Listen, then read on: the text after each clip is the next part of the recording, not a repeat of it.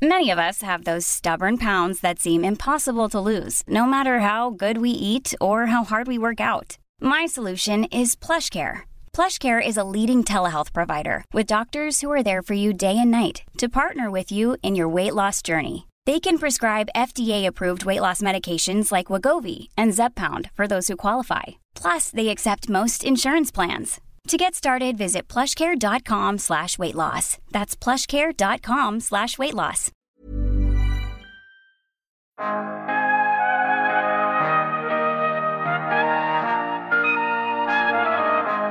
För att, att möjliggöra de enormt stora investeringar som vi ser framför oss så räknar vi ju med två saker. Det ena är att öka förädlingsvärdet på våra produkter. Och det andra det är att, att gå upp i volym så att fasta kostnader kan fördelas så långt som möjligt på stora volymer. Det är i huvudsak de två huvudmekanismer vi har att arbeta med.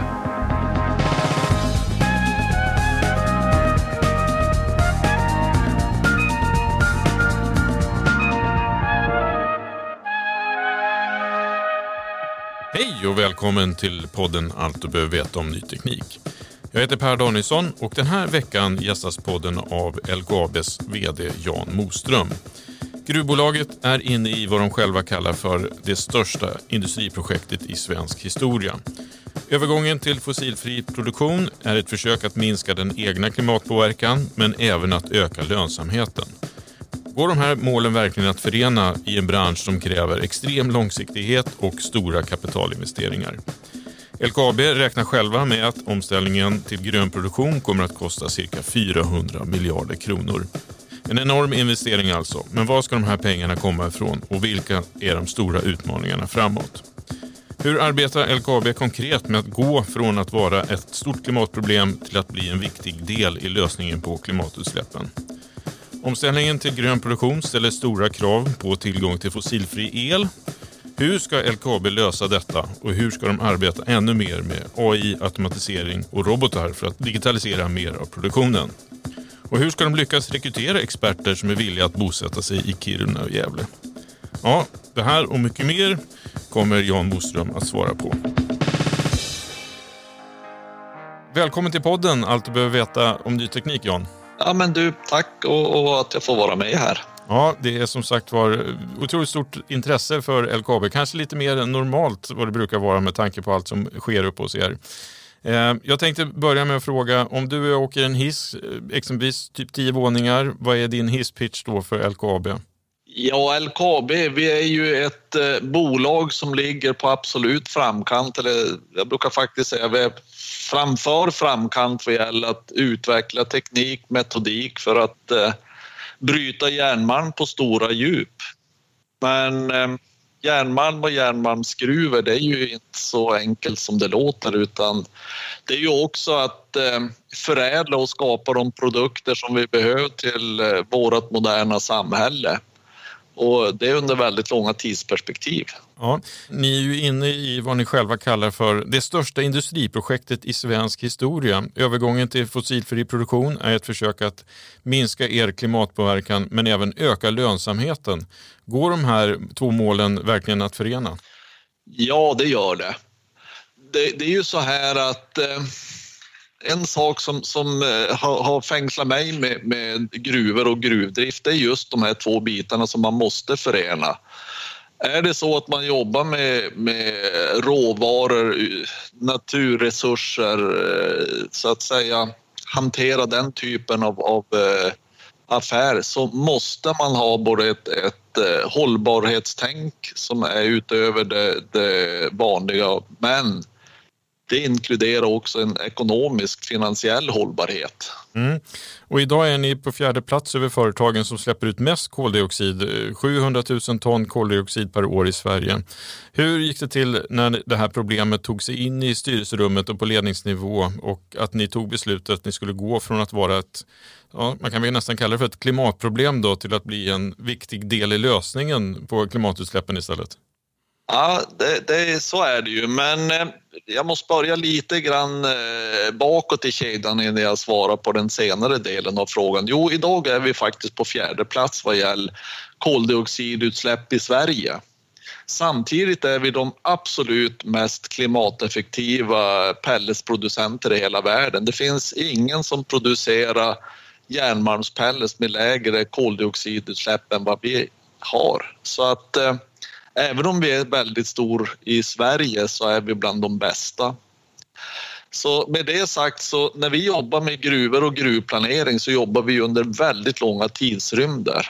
När vi började jobba med våran strategiska planering för ett antal år sedan, några år tillbaka, så, så eh, såg vi att vi har en produktionsplan som sträcker sig ungefär mot första åren på 2030. Så att när vi då gjorde de analyser som man ska göra och se ja, men hur ser marknaden ut? Hur ser förväntningar på oss som, som bolag ut 2030, 2060? Och, och då, då börjar vi gå den vägen och konstatera att det finns vissa randvillkor som man måste uppfylla om man överhuvudtaget ska vara konkurrenskraftig i den tidsperioden och det är just de här två frågorna hållbarhet som man, man framförallt kommer ner på miljöpåverkan och klimatpåverkan. Så det var nog den stora drivkraften både i eh, bolagsledningen och i, i bolagsstyrelsen. Ni räknar med att omställningen till fossilfri produktion ska kosta ungefär 400 miljarder kronor. Var ska du hitta de här pengarna någonstans? Ja, det är i grund och botten väldigt enkelt. Eh, jag brukar försöka beskriva det på så sätt. Det, är två eh, parametrar som är viktiga. Det ena är att vi ska kapitalisera det. Egentligen vi ska visa att det är lönsamt eh, via vår egen balansräkning över tid. Sen så är det väl så att har du stora investerings investeringsperioder så har du ju en finansieringsfråga också där du måste säkerställa att du har, har, har finansiering för det. Men vi ska visa att det är lönsamt. Och under förra året då så omsatte ni 33,9 miljarder kronor. Ni hade 4 500 anställda ungefär, verksamhet i 12 länder. Eh, rörelseresultatet landade på 11,6 miljarder kronor. Är du nöjd? Ja, det där är en svår fråga. Jag brukar säga ja och nej. Delvis är jag nöjd, men, men samtidigt jag har väl det inom mig att, att jag vill alltid, det, det, finns alltid någonting att förbättra. Det gäller bara att vara mer och mer omsorgsfull och omdömesgill med, med områden som man ska förbättra och att ja, ibland måste man väl vara lite nöjd. Ja, men det, det tycker jag låter bra att man kan vara nöjd lite då och då i alla fall. Ja.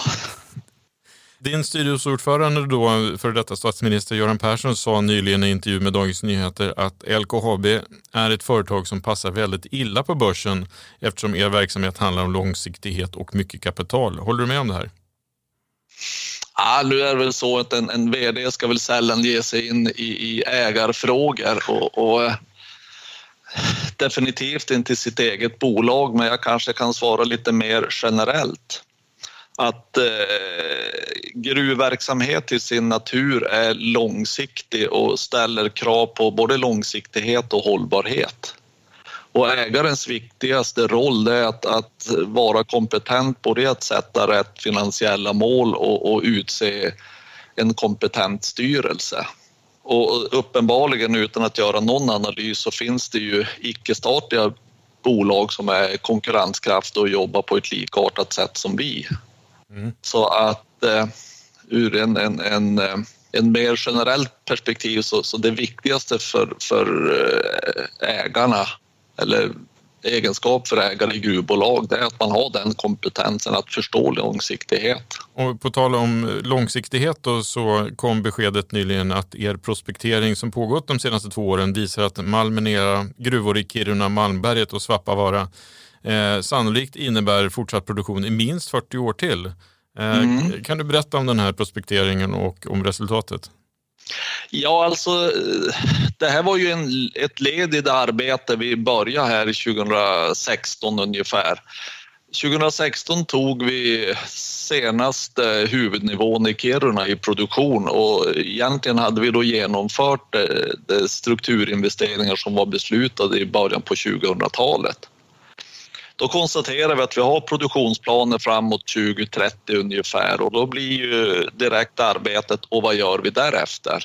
Och det är klart prospekteringen är ju det du börjar med. Det är ju den enda reella tillgång ett gruvbolag har. Det är vår mineralreserv som det heter på, på våra språk, men, men malm är dagligt kallat. Och eh, vi påbörjar då ett prospekteringsprogram för att, att få en bra uppfattning hur geologi och geometri ser ut. Och vi blev ju då tämligen överraskat, framförallt i Kiruna, för geometrin var ju helt annorlunda än vad vi hade förväntat oss. Så att vi har ju investerat stora, stora summor pengar, drygt 700 miljoner sedan 2018 för att borra upp egentligen alla våra tre områden, Malmberget, Svappavaara och Kiruna. Och det har ju varit väldigt positivt. Eh, vad som man möjligtvis ska ha i, i minne, framförallt i Kiruna, det är ju att vi har volymer men geometrin är väl en, en smula mer komplicerad och komplex än, än, vad den har varit tidigare så den kommer att ställa andra krav på oss. Men grunden är ju att vi har volymerna. Sen eh, måste vi lösa de tekniska utmaningar som geometrin ger oss. Och vilka utmaningar är det då menar du? Ja, det är ju två saker som är viktiga i den typ av aktivitet vi håller på med, järnmalmsbrytning under jord på stora djup. För vi är unik i, i, i världen vad gäller det. I princip all annan järnmalmsbrytning är dagbrott.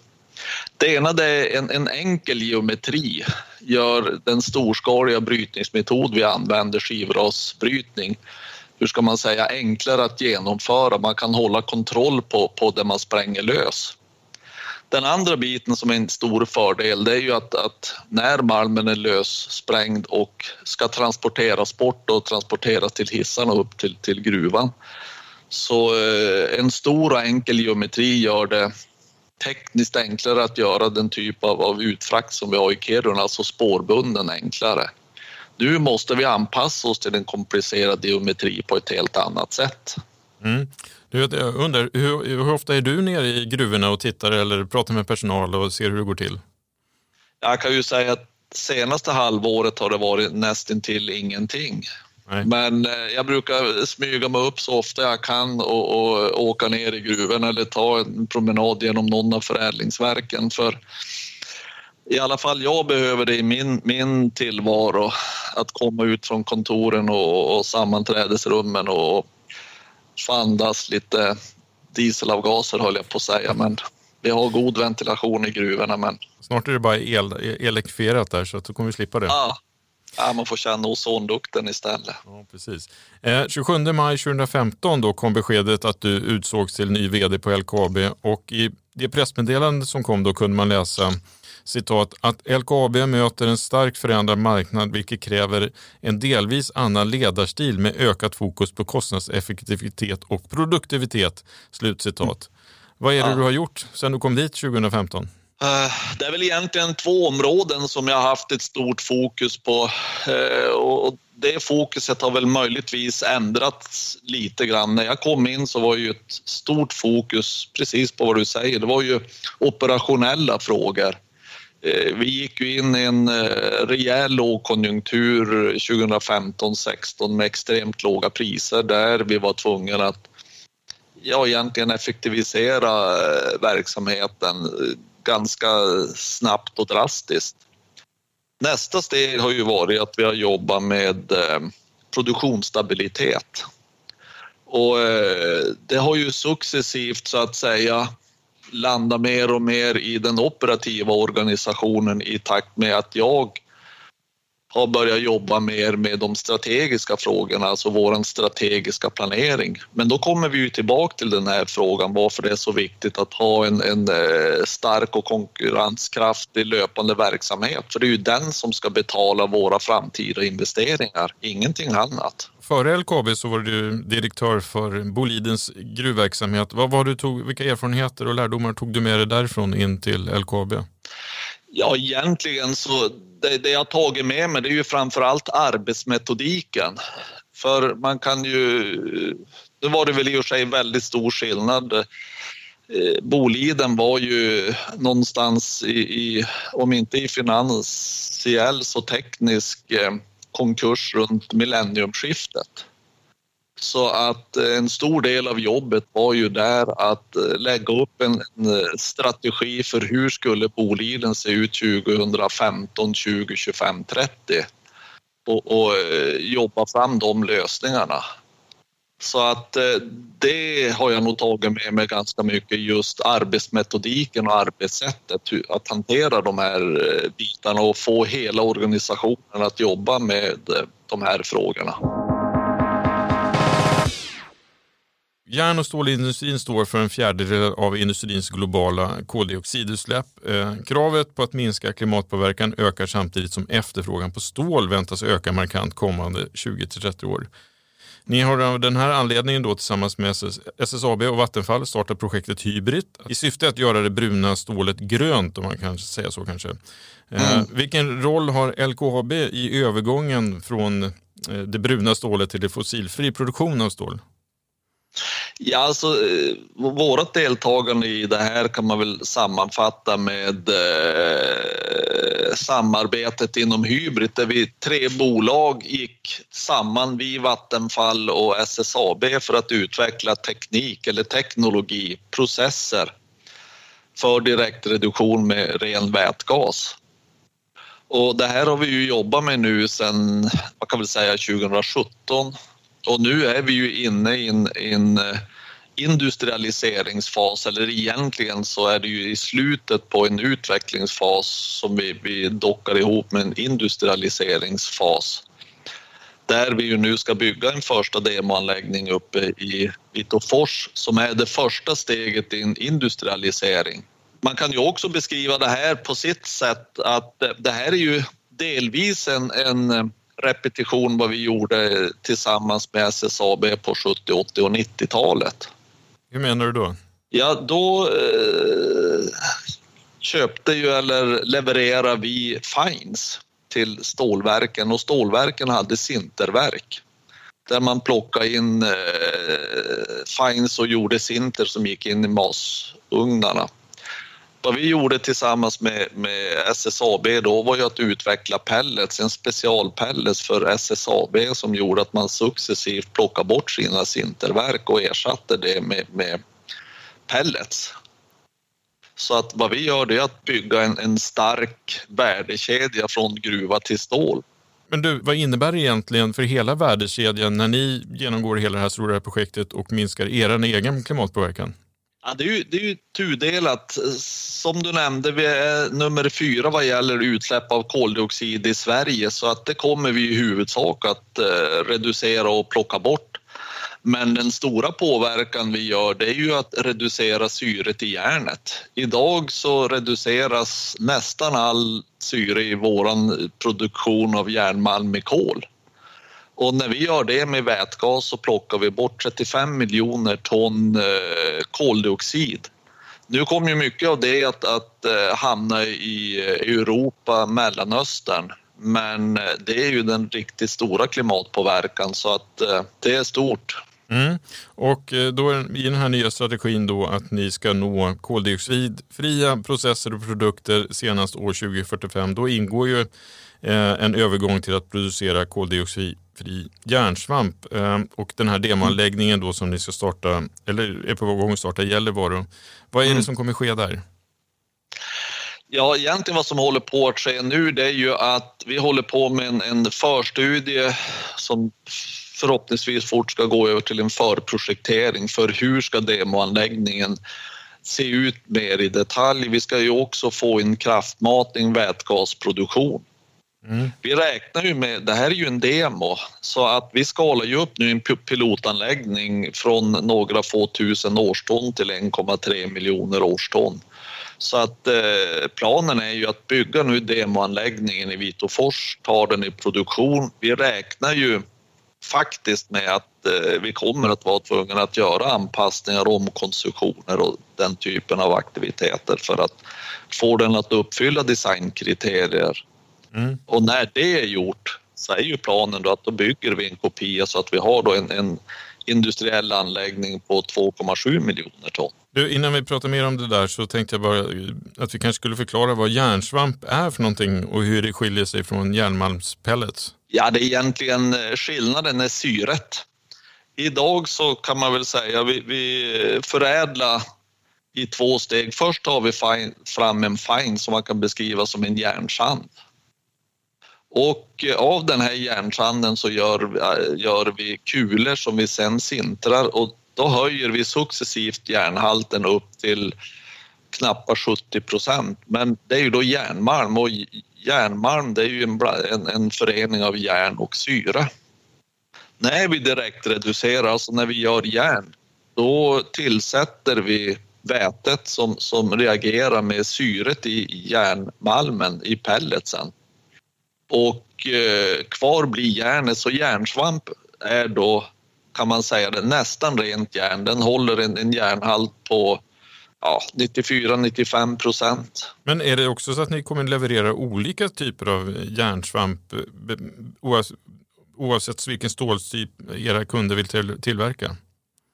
Det, det, är lite tidigt att säga det. Vad, vad vi nu har huvudinriktningen det är ju att, att genomföra eh, transformeringen av eh, Malmbergsgruvans förädlingsverk.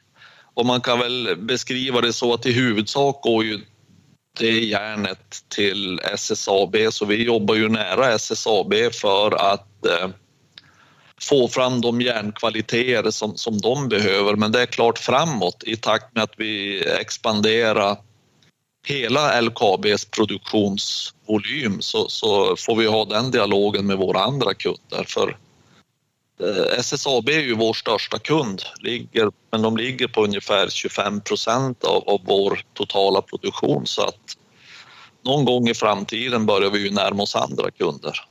Ja, inom Hybrid då är planen att ni även ska bygga en pilotanläggning i Luleå för att testa just reduktionen av järnmalmen, eller järnmalm med mm. vätgas. Och hela projektets ambition är att bli först i världen med fossilfri stålproduktion 2025. Hur sannolikt eh, anser du att ni blir först och att ni klarar tidplanen? Ja, jag måste nog säga att det, det är lite en filosofisk fråga för vi har ju faktiskt en pilotanläggning i drift här nu i Luleå nu initialt går den med eh, naturgas men vi kommer ju att växla till eh, vätgas här. Och när vi då gör det så, så då har vi ju faktiskt framme fossilfri järnsvamp och, och förlängningen fossilfritt stål men det är ju väldigt, väldigt små kvantiteter det är egentligen inte förrän vi har anläggningen uppe i Gällivare i produktion som vi börjar få fram industriella kvantiteter. Och det är ju ambitionen 26. Precis, och eh, under inledningen av det här året så kom ju också beskedet att ett nytt stålbolag, H2 Green Steel, mm. ska startas upp i, uppe i Boden. Eh, och satsningen kommer ledas av Scanias avgående vd Henrik Henriksson och där ska man vara igång med sin fossilfria produktion av stål 2024. Eh, vad säger du om den här satsningen? Nej, men jag tyckte det är positivt. Som en, en eh, järnleverantör så, så ser jag positivt att stålindustrin i Europa utvecklas och gärna i våra eh, höll på att säga, vår, vår, närhet. Precis, och de, deras strategi är ut, inte att bygga test och, och demoanläggningar utan gå direkt på en skarp anläggning. Var, varför kan inte ni göra den, samma sak? Ja, vi har ju gjort den här analysen och, och eh, sagt det eller tagit den positionen att, att det här är inte gjort någon gång tidigare utan de direktreduktionsanläggningar som finns idag, det finns ju ett antal, de är ju utvecklade för naturgas som är reformerad. Det vi ska göra nu det är ju med eh, ren vätgas som kommer fram ur elektrolysörer av den anledningen så går vi den här vägen för att säkerställa att det faktiskt fungerar. Eh, och vätgasen får ju som sagt en central roll i produktionen av fossilfria stålet. Men mm. hur ser du på behovet av eh, vätgaslager i exempelvis Gällivare? Jag tror att det kommer att vara en väsentlig del.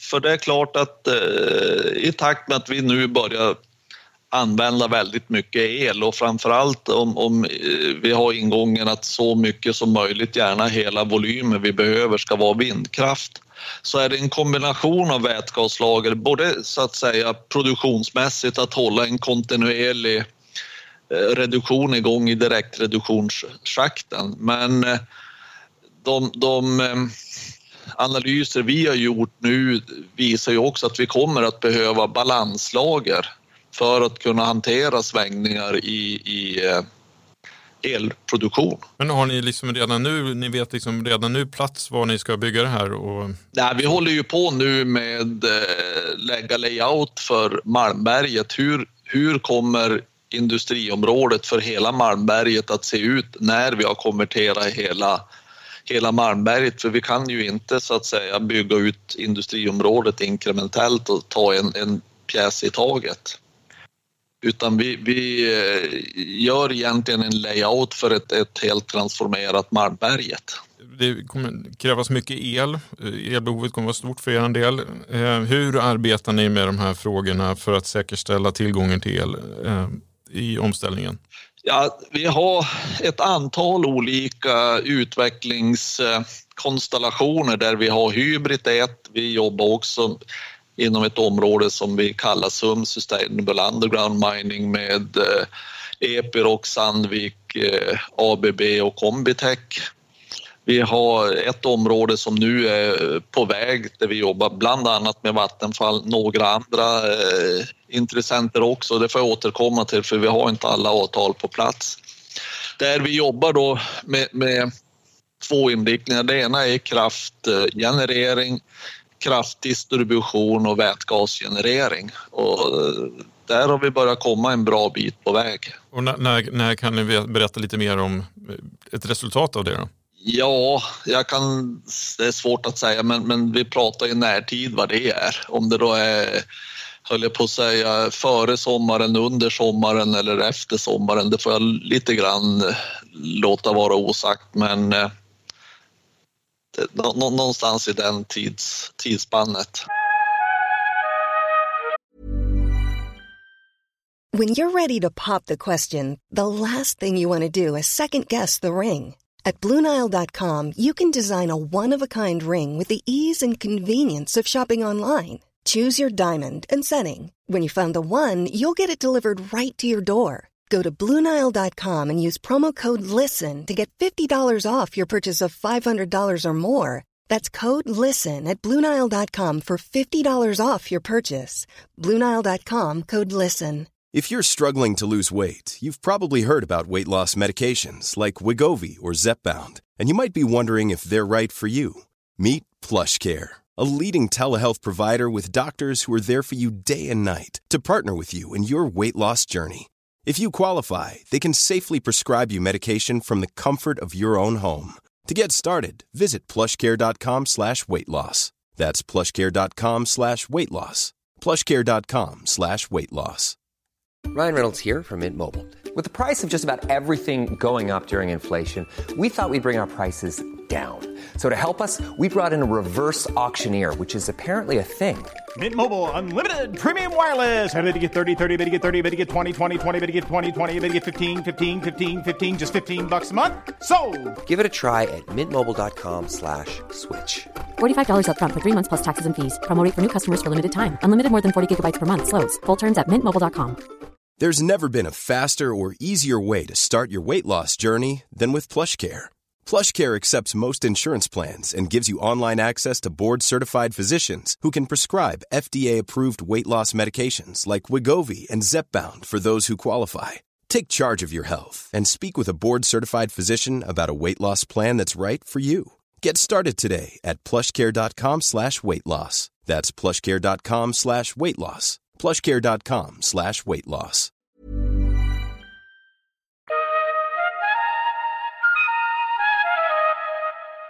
Ni undersöker ju även möjligheterna att utvinna fosfor och sällsynta jordartsmetaller ur ert avfall och väntas snart fatta ett beslut om, ja det är också ytterligare miljardinvesteringar inom det här området. Och hur sannolikt är det att det här, den här satsningen blir av och vad krävs egentligen? Jag tror det, det är hög sannolikhet att den här blir av. Eh, man ska komma ihåg mycket av det vi har pratat nu, det har ju varit runt eh, att vi ska fortsätta att högförädla våra, vår huvudprodukt järnmalm. Den andra biten som, som är viktig för oss för att höja våra intäkter och omsättning det är ju då att utnyttja det vi bryter optimalt. Och I våran malm finns det ju ett mineral som heter apatit som innehåller just fosfor och sällsynta jordartsmetaller så att det är en biprodukt till järnmalmsbrytningen. Och alla eh, försök än så länge visa att eh, förutsättningarna är goda att i steg ett ska vi få fram två produkter. En, en, en fosforprodukt, monomoniumfosfat som är så att säga råvaran till konstgödsel plus ett eh, koncentrat av, av eh, sällsynta jordartsmetaller så att eh, förutsättningarna är goda och vi har stora förhoppningar för de ökade intäkterna som vi behöver både från järnsvamp, alltså att vi, vi höjer eh, förädlingsgraden plus att vi får fler produkter syftar ju för att vi ska kunna mäkta med att investera i gruvproduktion. Mm. Den omställningen ni håller på med skapar ju förhoppningsvis en hel del nya arbetstillfällen. Eh, vilken typ av rekryteringsbehov ser du att ni, ni behöver?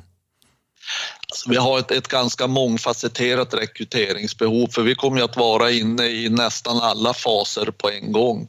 Vi jobbar dels med, med utveckling, vi jobbar med, ska man kalla det anpassning, vi kommer att jobba med konstruktion och anläggande.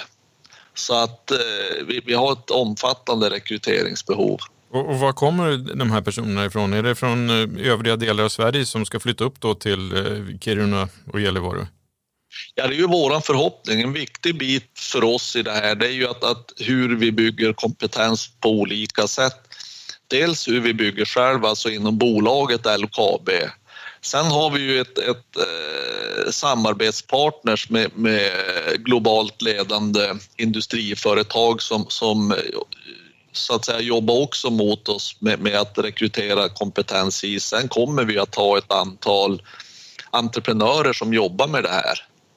Men det är klart att eh, den stora utmaningen vi kommer att ha det är ju att hur och, och, i vilken omfattning klarar vi av att, att rekrytera de kompetenser vi behöver och gärna få dem att, att eh, så att säga vara lokaliserade här uppe så vi inte hamnar allt för mycket i fly-in fly-out lösningar. Nej, är det så idag att ni har mycket fly-in och fly-out? Ja, det, det växer ju. Det, det, så, så är det. det. Det är ju Å andra sidan så, så, kan jag väl också säga att de här slagen är ju lite svårt att analysera. Det är klart att vad vi har sett, ska jag säga, senaste halvåret drygt, det är ju att, att eh, vi har ju faktiskt lättare och lättare att rekrytera och vi har ju också personer som gärna eh, kontaktar oss och, och, och vill lämna sitt CV. Alltså att eh, någonstans så kanske man ser att det här är inte fråga om, om eh, gammal teknologi eller någonting som, som är på väg ut utan det här är så att säga lösningen på våra klimatproblem. Mm. Eh, ni skriver i ett dokument att ni ska citat, digitalisera, automatisera och elektrifiera gruvbrytningen, sätta ny design på infrastruktur samt utveckla nya arbetssätt tillsammans med starka industripartners. Slutcitat. Ja. Vad innebär det här konkret? Kon konkret så är det väl så att eh, vi, vi har tagit jag vet inte hur man ska beskriva det. Vi har tagit ett steg tillbaka och, och gör en, en, systemanalys av hela bolaget. Vi, vi har lite eh, en, en, eh, situation där vi under ett, ett, antal år har jobbat med en inkrementell utveckling där vi har byggt öar. Det vi gör nu är att, att sammanfoga det här i produktionssystem för att se hur ska vi optimalt styra den här verksamheten? Vilka delar ska vi ha eh, systemstöd för styrning och, och, i vilka delar ska vi göra automatiserade och i vilka delar ska vi göra autonoma? Och dessutom hur och på vilket sätt ska vi elektrifiera framförallt de mobila sidorna? Och det är ju ett av kärnområdena i SUM-projektet där vi nu på allvar börjar se effekter och resultat av det här. Just att, att göra en helhetsprocesssyn och så sen börja utforma styr, driv, automations och autonoma system utifrån det. Hur skulle du säga att ni ligger till liksom i digitaliseringen av eh, verksamheten? Ja, jag skulle säga att just vad gäller det området är vi nog eh, absolut bland de eh, första, eller vi är först. Eh, det är vi definitivt. Nu ligger vi och rullar autonoma mobila maskiner med två tillverkare, en gul och en röd. Och, och väldigt snart ska vi ha dem att de, de arbetar med varandra, vilket ju jag tror förekommer någonstans. Är, är, du nöjd med den här utvecklingen? Ja, det, det, är jag. Det är två saker som, som jag ser som är viktiga just på det här området. Det ena det är ju arbetsmiljömässigt. Det är ju så att, att eh, det område där man kan se eh, arbetsmiljörisker, det är ju när man är inne i själva produktions och brytningsområdena. Så att det är klart vi har en ambition att automatisera det så långt som möjligt så att vi inte ska ha personal där. Och den andra biten det är ju då produktivitet som grunden för att vi ska klara av att göra alla de här tunga investeringarna. Idag bryter ni cirka 130 000 ton järnmalm per dygn i era gruvor. Hur kommer mm. den här nivån förändras framöver tror du? Jag skulle bli väldigt förvånad nu för vi, vi håller ju på med det här jobbet om vi inte ska öka de volymerna. För Eh, utmaningen för ett gruvbolag är ju alltid att säkerställa nästa strukturinvestering. Och eh, för att, att möjliggöra de enormt stora investeringar som vi ser framför oss så räknar vi ju med två saker. Det ena är att öka förädlingsvärdet på våra produkter och det andra det är att, att uh, gå upp i volym så att fasta kostnader kan fördelas så, så långt som möjligt på stora volymer. Det, det är i huvudsak de två huvudmekanismer vi har att arbeta med. Men vilka nivåer tror du att ni kan nå då? Ja, det vill jag inte föregripa nu. Vi, vi sitter just nu och jobbar med de här frågorna, alltså eh, två områden som vi kallar det ena, det kallar vi eh, losshållning, brytningsmetod och det andra är huvuddesign gruva. Och det är de här två områdena som, som ska ge de svaren. Pratar vi om 5% 10, 15, 20, 30, det får vi återkomma till. Mm. För att ni ska kunna bryta mer järnmalm ur malmådrorna som sträcker sig under Kiruna och Malmberget så då pågår ju en spektakulär flytt av två samhällen eh, det är ungefär 10 000 personer som är eller har varit tvungna att flytta och Kiruna centrum flyttas och det är ett jätteprojekt. Vad, vad är din analys av det här samhällsprojektet eh, so far? Ja, eh, ska jag vara krass, även om det givetvis har haft sina utmaningar eh, större och mindre så, så tar man på sig de, de, de riktigt eh, höll jag på att säga, djupa glasögonen så tycker jag det har gått förhållande väl bra för man ska komma ihåg just fastigheter, fastighets förflyttningar, förvärv. Det är för många en stor del av sin, eh, ska vi kalla det, sin, sin eh, ekonomiska bas oavsett om det är bostadshus eller om det är småföretagare eller kommuner. Så man får ha respekt att det är inte alldeles enkelt att hitta goda lösningar men sammantaget så, så tycker jag att det, det fungerar hyggligt bra. Mm.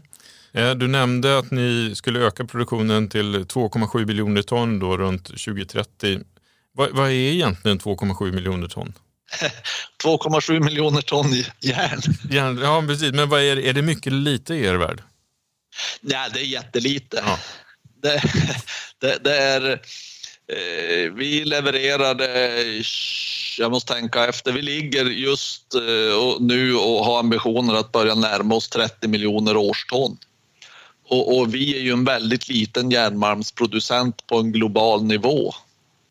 Vi är stor på, på den nischområde vi är, sjöburen pellets. Där är vi tvåa, men vi är väldigt liten på en, en global arena. Mm. Eh, du, vi närmar oss slutet på det här avsnittet så jag tänkte att du kanske skulle kunna avsluta med tre spaningar om vad som kommer ske inom svensk och internationell gruvindustri kommande fem till tio år. Oj. Jag är helt övertygad om att vad som kommer att hända fort, jag hoppas fortare än vad vi anar, så kommer eh, vad heter på svenska, av eh, koldioxidifieringen att, att gå ganska fort.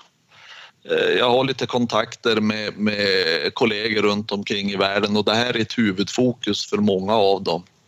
Det andra området som jag också tror kommer att, att eh, vara ett stort fokus, det är precis på det vi gör. Hur ska man fortsätta att förädla våra produkter? För det här är ju extrema volymprodukter så att eh, ju tidigare man, man plockar bort syret, ju mindre volymer så transporterar man plus att man gör det miljö, miljösmart. Och det tredje området som, som eh, kommer att vara ett kanske huvudfokus på det är just digitalisering, automation plus AI. Hur ska man hålla igång de här stora produktionssystemen på ett, ett så effektivt sätt som möjligt? Mm. Stort tack Jan Moström för att du kom till podden. Tack, tack.